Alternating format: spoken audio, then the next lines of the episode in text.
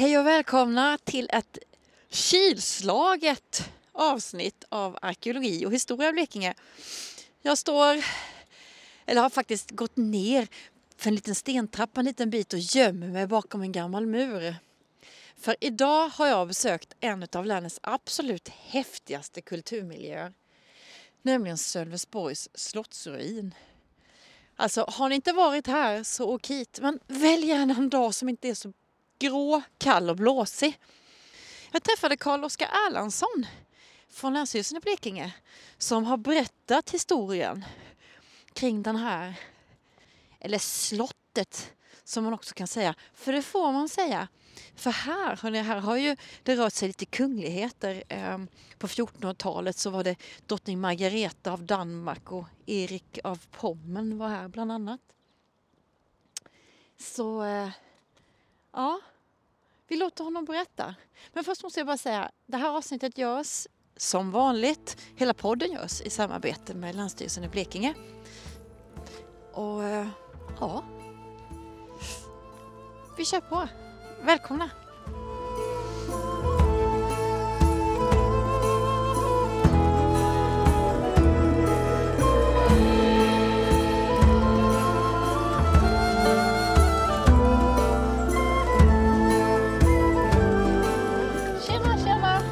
Det är bra. Åh, vad du- kul! Ja, du har Alltså- runt här en del eller någon gång eller hur ser det ut? Nej, alltså Nej? jag har varit här och gjort grejer Ja, okej. i radio. Jaha. Jag har aldrig varit där Det uppe. här var roligt då. Ja. Ja. Skitspännande. Ja. Så att nu har jag läst på och googlat och Wikipedia. ja, vad bra. Sen blir det så här, nu har jag varit, jag har varit i Älleholm och Ja. någonstans är det plötsligt blir det så att nu, man måste börja sätta allting i något slags i någon kontext Ja. eller något sammanhang. Ja. Och den här har ju, vad har den sammanhang ihop med mer? Alltså Lyckå det är senare va? ja, den borgen som hamnade sen i senare, Mm. den har ju med, inte Blekinge, men kärnan i Helsingborg en rätt bra parallell. Mm, Det är också 1300-tal och liksom här stort högt torn. Och, jag vet inte mer, det är ju den enda, det kan bli en riksborg liksom, så det blir ju, sen har man ju det där fästet vid Brömsen ju. Ja, Det är lite precis. ändå, det är också en stor ja, fyrkant. För där var du och Magnus här Ja, om... ja, eh, ja, ja. Och den är väl också 1300-tal va? Om jag minns rätt. Ja. Så de är väl rätt så bra, bra paralleller. Wow, den är jättehäftig. Ja, ja. Var du uppe nu och kikade lite snabbt? Nej, eller? Nej, det var inte alls. Det var precis, roligt. Jag kom ja, precis. det var det här Ja, ja.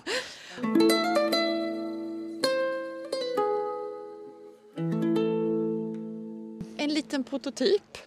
ja, precis. Den är rätt så bra gjord för de har ju rätt bra koll på 1600-talet. Mm. Alltså egentligen, egentligen inte tornet används så mycket. Så är det ju de här längorna, liksom, inventarieförteckningar och liksom reparationer och sånt där. Eh, och de egentligen bara lät stå och förfalla egentligen. Men han gjorde så lite som möjligt. Liksom. Det är bara när kung, kungamakten är på besök, då kanske man piffar upp det lite mer. Annars får de här längorna stå och, och förfalla. Men alltså, såg det ut så här då? Och i förhållandevis till... Alltså, den där eller den? Ja, precis. och den är varit lite högre. Ni ser den är lite medsutad. Den är eller, lite... Ja. Mm. eller lite, den är ändå rätt mäktig för det är ändå den här hög, kullen är väl 9 meter och sen Ja. är det ändå 5 meter där. Men den, om man jämför med kärnan, den är 35 meter. Men den den- kullen vi ser idag, är det Det är den är ja. Och den är, ju, är det, ja, det som var precis. hela? Ja, sen är det själva befästningen då. Sen egentligen Mm. hela borganläggningen så är ju där de här nya slottet och längorna ligger idag. Det är ju alltså förborgen. Där låg ju laggårdar och stall och sådana grejer också Mm, då. För det var ju för bökigt att liksom köra upp djur och allting varje gång. Så här är ju mer ja, själva försvarstornet och Mm. rustkammare, frustuga, salthus, sån här ett kanslist och såna här grejer med. För det har ju varit, de skötte ju liksom hela Mm. Blekinge tidvis härifrån. Liksom, så det var ju mycket sånt. Eh, Så det, ja. Och, Så har det varit vallgravar då där vi går. Det har dubbla Ah. vallgravar. ja. Och det här är jämfyllt under typ 17-1800-tal. Så här var det Mm. typ tobaksodling hade man ett tag här på 1700-1800-talet. sådär. eh, och sen då ja, så var det lite, sen var det en, en vallgrav till runt här hela. Mm. Men det ser man inte så mycket just från det här hållet. Nej. Tänk så gammalt, det är 700. Ja, minst. För det är ju, den här borgen är ju som den ser ut idag. Mm. Men sen grävde han ju ut den här eh, Lars Kindström, om du kikade. Han grävde ut det då 40, 40-talet när han egentligen skulle restaurera, men han gjorde ju lite sådär. Och då såg han ju, för det var ju schackat bort alltså södra delen där i stora delar, eh, så han, ju, han hade ju bara insikt i lagren där och då sa han att det var byggt i tre etapper den här kullen. Mm. Så att antagligen hade jag haft någon äldre föregångare och det är ju någon, någon sån här eh, länsherre Valdemar av Braunschweig som sitter här på 1260-talet och Mm. det är inte så länge sedan man grävde ut där i Zebran i Sölvesborg. Och det var också 1200-talsdateringar Mm. och sådär. Så att någon föregångare hade det varit, men just den här borgen blir ju ändå 1300-tal. då. Men man säger eh, Sölvesborgs slottsruin, men det är inget slott. Nej, det är ju egentligen en borg. Men det har ju bott, alltså vad, vad är egentligen skillnaden? Det är väl om man säger om det har bott kungliga personer i eller sådär va? Får man Mm. väl säga slott liksom. Men, och det har ju bott kunglighet där men det är ju egentligen en, en borg liksom. Mm. Men man Så. säger ändå slottet. Liksom. Ja, Ja. Och det roliga är för att Sölvesborg, där har du ju redan borgen. Så det blir dubbel Sölvesborgs slottsruin. Det blir ju egentligen, alltså Sölvesborg är ju här liksom. Ja, just det. Ja. Ja, ja, ja, Ja, borgen. Sölvesborg.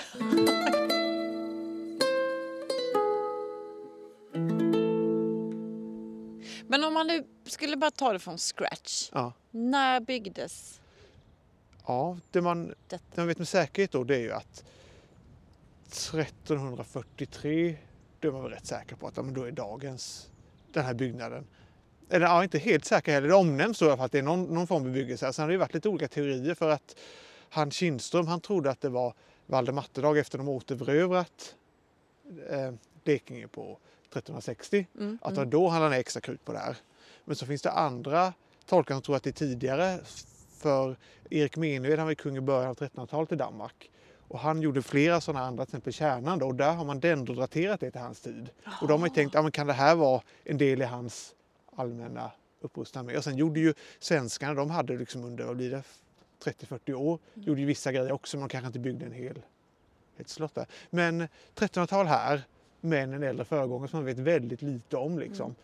Eh, och sen har det ju förmodat, spekulerats, men kan det vara nere i 1100-tal eller 1200-tal, men det är ju liksom spekulationer där. Men 1200 har nog varit någon föregångare, det skulle jag tro. Liksom. Eh, och det är ju då de här så länsförvaltningen i, i alla fall i Sverige och i, och i Danmark är ju samma sak, att det är då man, man bygger upp många av de här borgarna och skapar ordentlig länsförvaltning och sådär. Så att, eh, det tror jag nog. Ska vi inte gå Ja, upp? det gör vi. Det gör vi. Det är en lång trappa upp här. Ja. Stenlagd. Jajamän. Och det har ju varit någon form av träbro, en vindbrygga här som har gått istället för trappan som är idag. Att den har gått Ja. upp hit och så har det gått över en sån. Och sen har det ju varit, har ju blivit förborgen blivit som en egen liten ö nästan eftersom det har varit en vallgrav runt. Så har det ju varit ytterligare någon eh, vindbrygga eller något där. Eh, Men är alltså sånt här tegel. För mig så kän- så känns det inte alls att det skulle kunna vara så gammalt. nej, det, och det, Vad fint! ja, och det blev lite statusgrej då när det var rätt så nytt ändå. Att kunna ha även om tegel idag är ett enkelt material. Men delar av det här är ju återskapat. För då på 40-talet var det ju en stor sen ruinhög, Ja. helt övervuxen. Och sen så ja, restaurerade de det sådär och då, då byggde man senare med byggde de, delar gjorde man då. Mm. Och sen var det så dåligt skick det här eh, inre murverket på 80-talet. Så då rev man, jättesynd, eh, det var 11 meter högt. Då rev man ner det till nuvarande nivå då. Och sen har man då byggt upp som det har sett ut. Så de här, de här är ju rekonstruktioner till exempel. Mm. Men de är ju, bygger ju på riktiga förlagor då. Ja, ja, ja. Men finns det... Så detta teglet vi ser här nu Ja. och så. Det Mycket. är... Det mesta av det. Sen om vi går, i, om vi går runt där, Ja. inuti själva eh, borgen. Oh, vilken utsikt! Ja, det är maffigt. Här har det legat på. Ja. Och så lägger vi till då, vi ser kanske 35-40 meters torn på den här kullen. Det är ju ja, mäktigt. Wow! Ja, vilket läge. Ja, det här ska väl vara till stora delar original. Man ser väl lite kanske vad de har. Här ser man ju lite att det är bättrat Nu på. har vi ju gått runt och tittar in i det här. Och hur högt var det här tornet nu då? Ja, eh, det i kärnan som man vet säkert är ju 35 meter högt. Men det har lite större diameter och lite bredare murar så det tyder på att man har kunnat haft en något högre konstruktion. Så kanske en, vi ser uppåt 40 meter där, men det är ingen som vet exakt. Men det är helt Ja, det är galet. Ja. Jag vet inte vad, hur länge liksom det tar innan det blir en byggnad andra, men det är inte många kyrkor som har de höjderna liksom. Och sen på den här kullen med blir ju verkligen maffigt.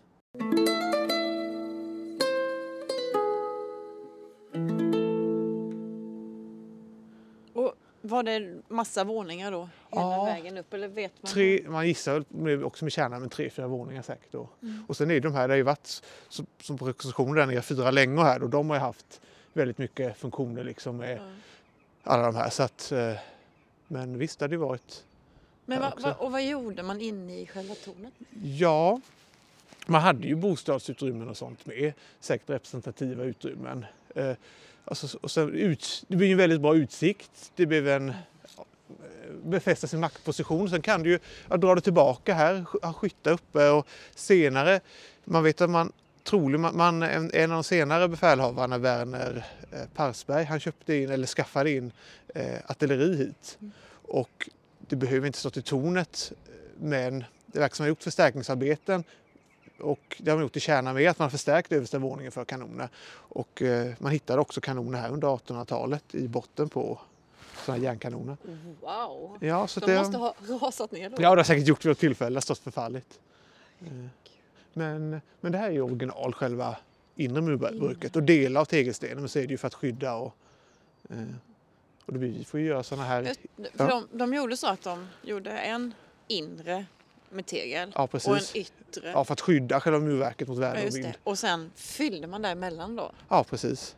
Och sen det är ju tegelstenen egentligen man varit intresserad av efter att det blev ja, inte, inte hade användning längre så har ju Nej, återanvänts till massa hus och till man vet till den här herrgårdsbyggnaden i Älleholm, skorstenen där bland annat och det är massa olika projekt. Ja. Eh, och då har ju, ja, sen har ju då det här murverket utsatts och vittrat och och sen när man tog den här stora, det man tog, nu är det rekonstruerat här, men Mm. en stor liksom bit av den södra kullen tog man till fyllningar i staden. Och det föranledde ju att resten, att det rasade mycket liksom. Ja. Och sen har man ju tagit bort väldigt mycket när man konstruerade sådana här rasmassor. Och... Men undrar hur det såg Ja, ut? ja. Hur, Ja. men hur var det då när den här var? Hur var, hur var Sölvesborg och vad, vad fanns liksom? Hur var samhället här? ja, och det är ju, där är liksom, vad kom först, staden eller eh, borgen där? Ja. Men Valdemar eh, jordebok från 1230-talet, där nämns inte eh, Sölvesborg som köpstad. Nej. Så då kan man ju tänka, ja, men då fanns det kanske ingen stad här. Eh, något litet kanske, men inte liksom. Och vi har de, här, de lager man hittat i Zebran, de är ju 1200-tal med. Så att troligen växer staden upp under 1200-talet och då kanske det redan finns någon form av fästning, att det växer upp i skydd av fästningen. Eh, för det är ju, annars kan man ju tycka, för det här sköter ju förvaltningen av hela Blekinge länge fram till liksom 1500-1600-tal så är ju liksom hela Blekinge skött härifrån. Och då kan man ju tycka, varför inte lägga det mitt i Blekinge, till exempel Lyckå där det finns, en, eh, ja, det finns också en handelsplats liksom, och en lite enklare borganläggning. Och så lägger man det här liksom långt bort. Och då är det antagligen för att Ryssbergen går ju här. Mm. Så alla liksom stora arméer eh, med tross och allting, de får ju ta den här landvägen då kan man ju liksom låsa, skydda just resten av Danmark. Så egentligen Ja, sätter man det, ja.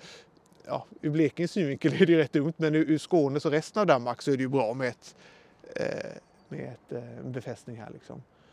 Mm. Och sen när det, ja, det är en skyddad, när, när liksom slottet skyddar staden så ger det förutsättningar liksom för Mm. att Mm. eh, bygga upp där. Mm. Sen kan man se lite andra grejer när vi står och tittar det här. Ja. Ehm, det där är troligen rester av trapptorn den här fyrkanten eller den. Just det. Alltså, om, vi bara, om man nu är här, Ja. då står vi alltså så att vi ser havet Ja, nu. eh, Där man kan se ner i eh, tornet. Och då Ja. pekar du på det, till vänster när man ser ut mot havet. Precis. Där finns... Och- Eh, Ja, det här är tegelfundament som Mm. sticker ut lite från muren liksom. ja. Då, eh, alltså tänker man att ingången har varit här där det är en stor öppning idag. Mm. Men det är för att det har rasat och ingången har legat här men den har legat kanske 3-4 meter upp. Alltså av säkerhetsskäl då. Ja, och sen man- har det varit ett trapptorn längs ja, hela just sidan det. där. Gud vad coolt. Får man gå upp här Ja, eller? det gör det. Jag tror att traktens ungdomar brukar göra flitigt i alla fall. Ja, vad häftigt. Åh, hej och. Wow. Ja, det riskfritt. Jaha, hur gick det? Det här är ju som en egen plats. Alltså det Ja, här för- det ser ut som uteplats hos folk idag. Ja, de här ja. stenarna. Och det, ja, Så det har sett ut, ja men det har gått runt själva tornet här liksom. Ja, Så hade det här ja. varit utanpå så hade det ju varit, alltså måste ju varit trapp, trappsteg inuti här då. Och sen det här vi ser idag, nu ser man ju betongtäckning här men det är för att skydda eh, murarna. Ja. Eh, Wow. Men detta, hur, hur gammalt är det? Är detta så gammalt? Nej, och, och det är skönt för det brukar bli vandaliserat här lite då och då tyvärr. Ja. Men stora delar av det här övre tegelstenarna man ser, de är ju eh, vid rekonstruktionen sen att man har lagt på för att skydda. Så att de, eh, eh, det kostar en massa pengar men man förstör åtminstone inte det ursprungliga slottet Nej. eller borgen.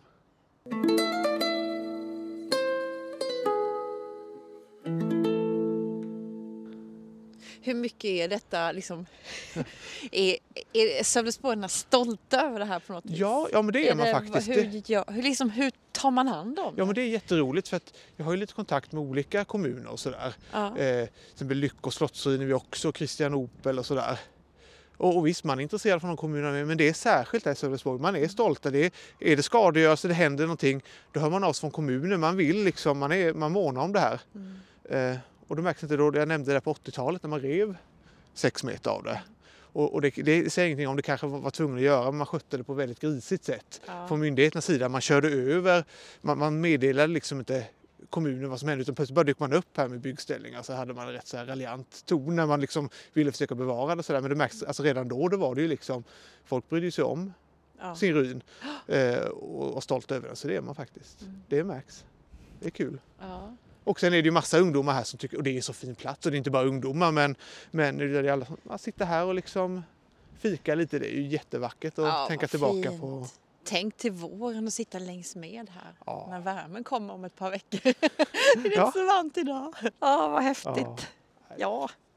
Så det är en liten park runt omkring och sådär. Ja, det blir ju maffigt. Lite av vallgraven kan man se, det är lite vass där nere innanför Mm. själva yttre vassen. Där. Det är lite spår av det men det är, Just det. det är igenlagt ja. mycket.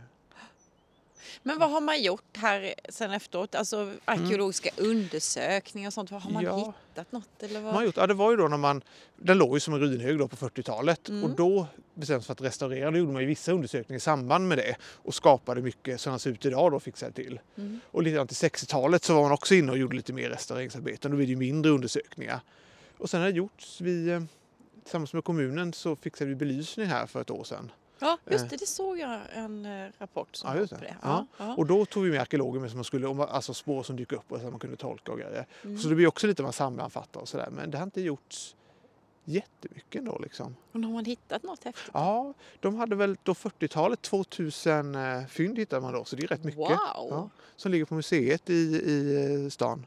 Ja, Eh. så dit ska man gå om man vill se dem? Ja, precis. och det är ju det är från 1300-talet och framåt, men det är liksom ju både liksom, alltså lite vapenrester med liksom armborstlod och sådana saker till. Så det är såklart mycket keramik och ben från mathållning men också liksom sådana här finare glas som har suttit. Det har ju varit, det har ju varit eh, samhällets överskikt. Det har varit en viktig borg samtidigt eftersom Mm. det har varit den östra utposten. Eh, som man har sett då på benmaterialet som man man kollade på nu senast då så såg man att det var en del som tjäder och trana och rådjur, sån här liksom Ah, högreståndskonsumtion man har suttit här och haft det gött. lite. Och druckit Ja, öl. så vi har ju Ja. såna här, om man tar kända personer så har vi ju drottning Margareta, Erik av Pommern var här en del. Han den Ja, här, just det. ja, vi? Vi har den här Sören Norrby, han den här ja, danska sjömilitären under Kristian II. Var rätt känd. Och heter han? Jens Holgersson Ulfstrand, han som byggde Glimmingehus har också varit eh, länsherre ett tag. Så det är lite sådana här namn som poppar upp som man kanske känner igen om man är intresserad och när man läser mer om historien sen. Men då Så- när du säger att de var här. Ja. Nu är vi vid tornet. Var, alltså, det låg andra byggnader kring. Ja, precis Var som det, fyra längor runt. Var fanns kungarna? Ja, ja vad bodde de?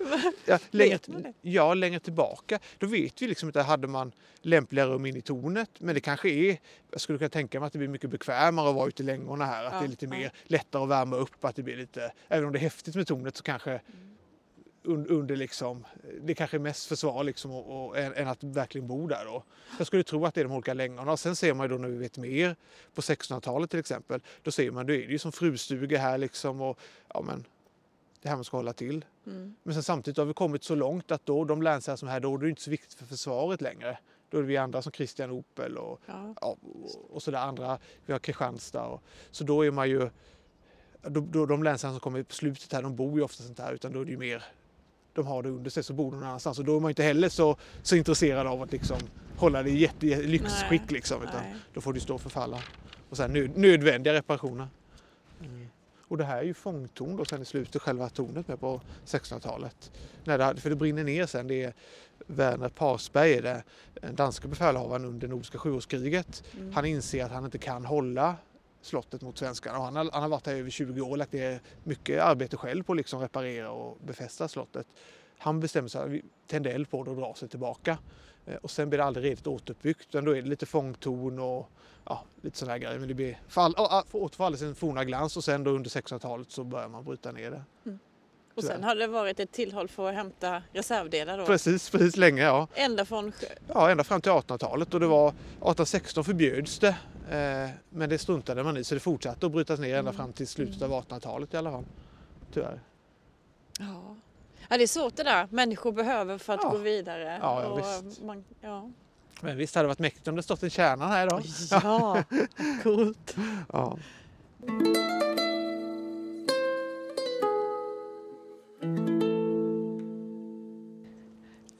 Tänk. Men detta som man ser här är det... Det, det Ja. måste vara lagat nu. Det, det är lagningar och sådär. De här är de senaste. Och det är ju, man tänker att en ruin står liksom hur länge som helst men den behöver alltså underhåll om det inte ska bli en ruinhög liksom. Så att vi har ju, vi lägger ju så årligen blir det stora pengar Länsstyrelsen lägger på att liksom Mm. eh, sköta eh, och laga. Man ser olika både, både väder och vind och sen är det en del skadegörelse. Och, ja, ja, det behövs, behövs alltid liksom. Men varför är det viktigt att ha, att ha kvar den här? Jag tror det är mycket, alltså både jag tänker för Sölvesborgs egna historia, liksom, att det är verkligen en symbol för staden och dess historia. Men egentligen är det ju för hela Blekinge eftersom det är så, så mycket, alltså alla, många beslut som varit i betydelse har ju ändå grundats här, liksom, det har ändå varit centrum. Eh, och sen för den dansk-svenska historien också, liksom, det visar ju på det här, krigen, konflikterna och... Eh, nej men det är en historisk plats som verkligen, det är en av topp fem i Blekinge liksom, man ska säga. För, för Blekinges historia då liksom, så kommer ju Sölvesborgs slottsruin verkligen en av dem. Det tycker jag.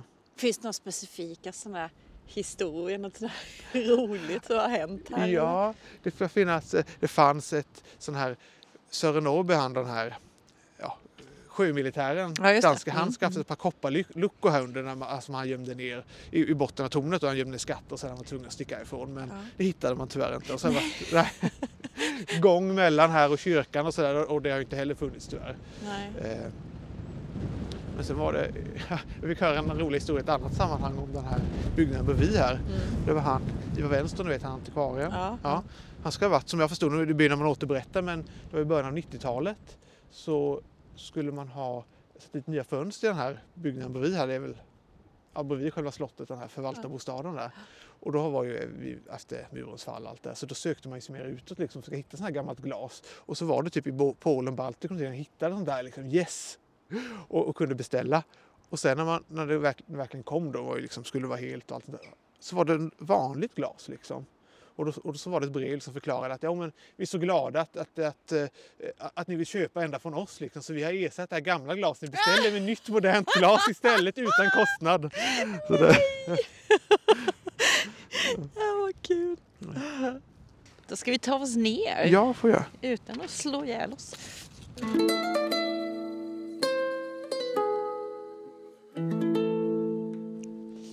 Nu ska vi se. Nu står vi här och sen var det... Precis, vi har en, eh, en vallgrav precis intill hade ju varit då, en, en inre vallgrav. Man ser ju liksom lite, jag skickar, där, är ju liksom, där ser man lite rester av Ja, den. just det. Så har den gått runt hela. Men hur mycket vatten, alltså, hur mycket vatten var det då? Alltså var det besvärligt?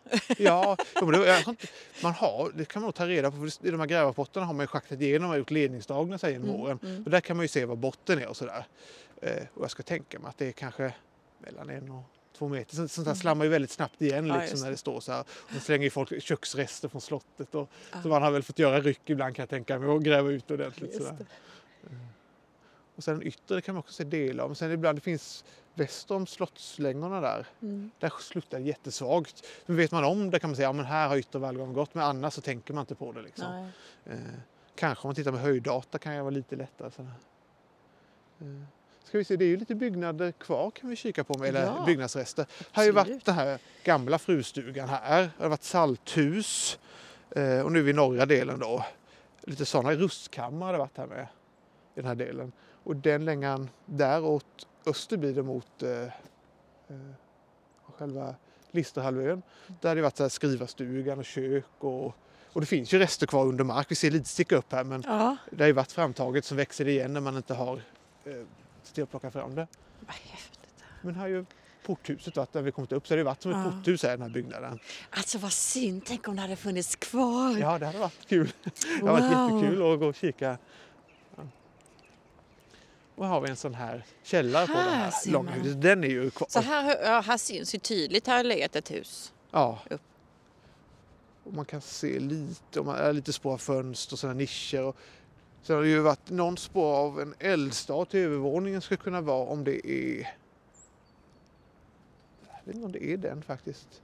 Men någonstans är det lite sådana här spår och olika grejer. Och här hittar man på botten här, man grejer, hittade man, eftersom det varit källare, en sån här eh, vet du, ölkran i brons. Så har man haft öltunnor här nere så det är lite roligt. Oh, då går vi ner i ölkällaren Ja. då. Kanske hitta någon modern ölburk här om har tur eller otur. Ja, just det. Jo, jag, kan, jag kände när jag gick ner här att jag förstår att, att eh, ungdomarna hänger här. Det är Ja. lite småmysigt. Det är jättemysigt.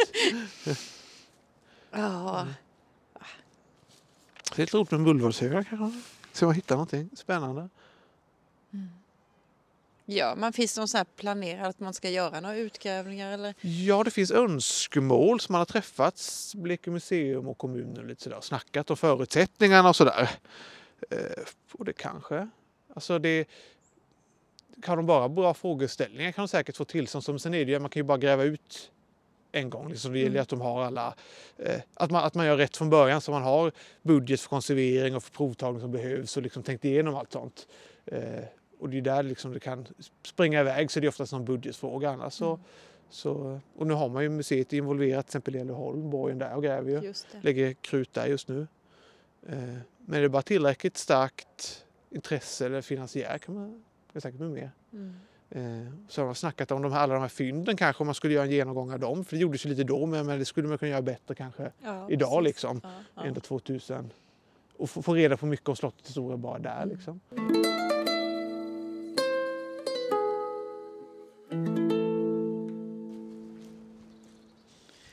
gick vallgraven precis. Precis, den ha gått precis Ja. utanför här. Mm. Och sen har man ju sett när man har grävt ut vallgraven så har det ju varit eh, alltså både stenskoningar och eh, träskoningar och kanske pålar på sina ställen med att det har varit Mm. olika skydd sådär. Så det har varit omfattande. Och de har ju daterat en del av dem. Det stämmer ju det här 1300-talet att det var liksom Mm. stora, stora åtgärder här då. Eh, Så det har varit lite konflikter som man vet. Det är väl Engelbrekt ska ha intagit det då på 1400-talet. Karl Knutsson. Eh, ett tag var han Ivar Axelsson Tott. Han kom i konflikt med danska kungen, det var också 1400-tal där, så att då blev slottet belägrat men gav upp och lite sådär. Och under nordiska sjuårskriget och ja, Mm. Det har varit när det har varit konflikt i Blekinge har ju slottet råkat illa ut samtidigt. Ja. Men hur många gånger? Åh, det är hela tiden där. när har det varit svenskt och Ja. när har det varit danskt? Ja, Vad är det 1332 blir det svenskt då. Ja. När eh, ja, Magnus E- Eriksson köper loss det från, Mm. de är svårt skuldsatta, liksom hela Danmark där, eh, köper loss. Och sen så är det 1359 så intar Valdemar Atterdag, man får släppa det igen och sen året efter så tar han det permanent. Och så det är en period på 30 år som det är svenskt och sen så dröjer det ju då till 1658 i freden som det blir svenskt tills idag då. Och sen är det ju bara korta perioder när det är krig att man kanske intar det och håller det men sen så fördrivs man liksom året därpå eller sådär.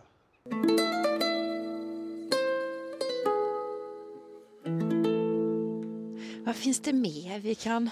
Kika på här, ja, Här har vi sett det. själva det är de här moderna byggnaderna, eller moderna de menar från Mm. 1800-talet men de är ju ändå, det blir ju då att, ja, när det blev svenskt då hade det ju klart att det redan varit på dekis, man har ju satsat på andra som Kristianstad och sådär. Ja. Eh, och sen så var det väl mer som en, man styckade av efterhand. Och fram till 1680-talet så var det mer som en större gård då liksom. Mm. Och sen i mitten av 1700-talet så, så sålde man ut det så det blev alltså, privatägt. Mm. Och i samband med det ungefär då flyttade man väl ner de sista byggnaderna här då. Eh, på där byggnaden står idag, men inte dagens byggnad då. Nej, nej, Och sen så fick det ett uppsving där med, som hela Sölvesborg med potatisen och brännvinet. så då, då blev de rätt välbärgade. Ja. Och då byggde de först det här slottet 1802. Det, blev ju, ja, det var ju toppmodernt för den tiden. Liksom. Ja. Eh, Och det är och det sen- stora, stora gula. Ja, precis. Mm. och sen längorna här då 1833. Eh, Så de är ju kvar. Även om längorna brann ner i ett blixtnedslag för några år sedan, men de har ju byggts upp igen. Ja, just det. Eller själva, ja, det var ju sten mycket av det, men Mm. trädetaljer brann ju upp.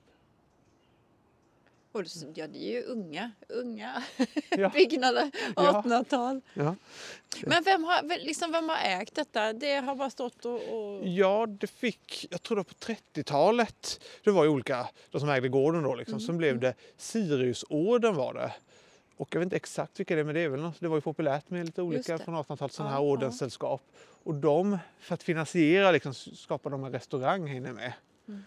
Och jag tror faktiskt att Siriusorden har kvar det än idag. Okej. Eh, tror jag. Eller nej, det är nog kommunen. Nej, kommunen har själva slottet i alla fall. Ja, ja. Eh, jag vet inte hur det funkar med ägarskap mellan Siriusorden och kommunen. Men jag tror Siriusorden residerar fortfarande. Men de kanske inte äger det, jag vet inte. Men nu är det kommunen som förvaltar det i alla fall. Mm. Så både vi och kommunen gör ju, alltså, kommunen sköter ju mest om parken men de sköter lite på, på Borg Renommé och vi handlar ju också upp folk som är här och sköter kontinuerligt. Då. Och sen har vi murverksarbeten och sådär för att hålla det i, snyggt skick.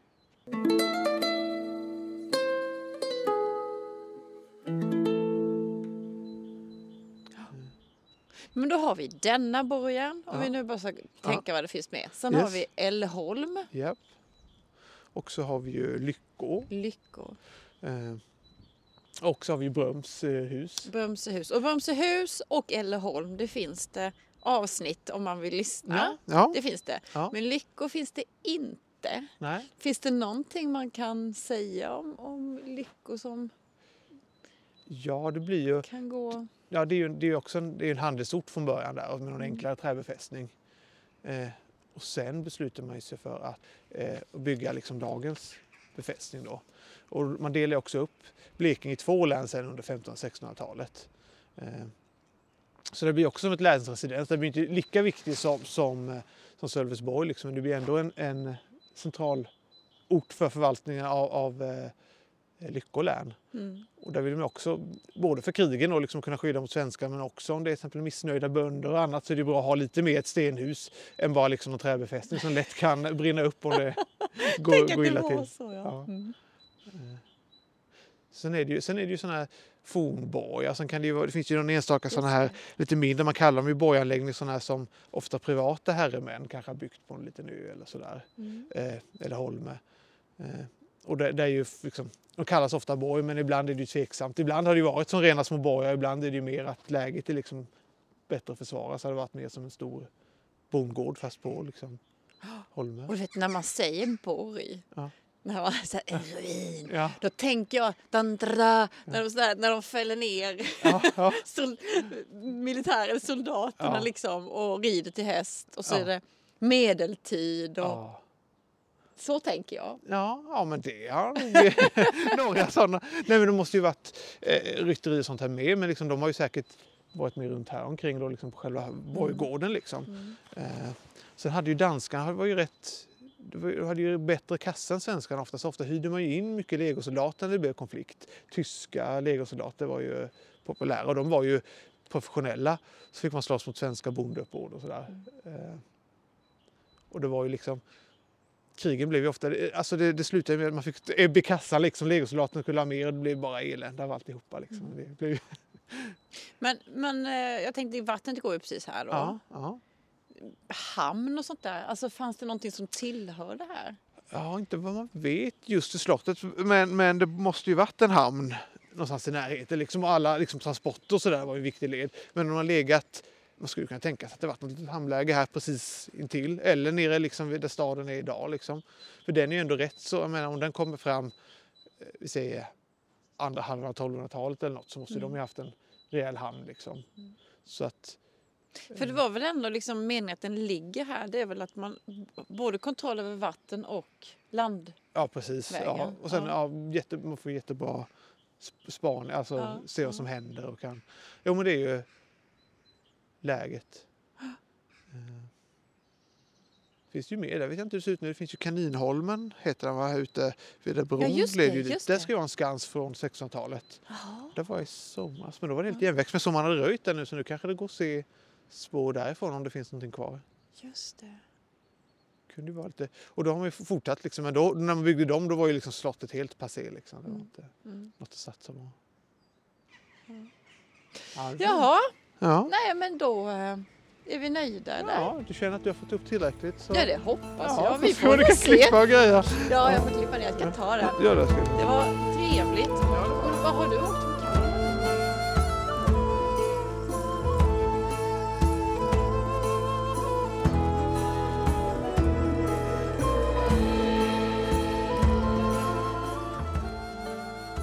Om du skulle vilja höra eh, fler avsnitt från podcasten som just har lite med borgar att göra så finns det ett avsnitt från Elleholm och ett från Brömsehus att lyssna på.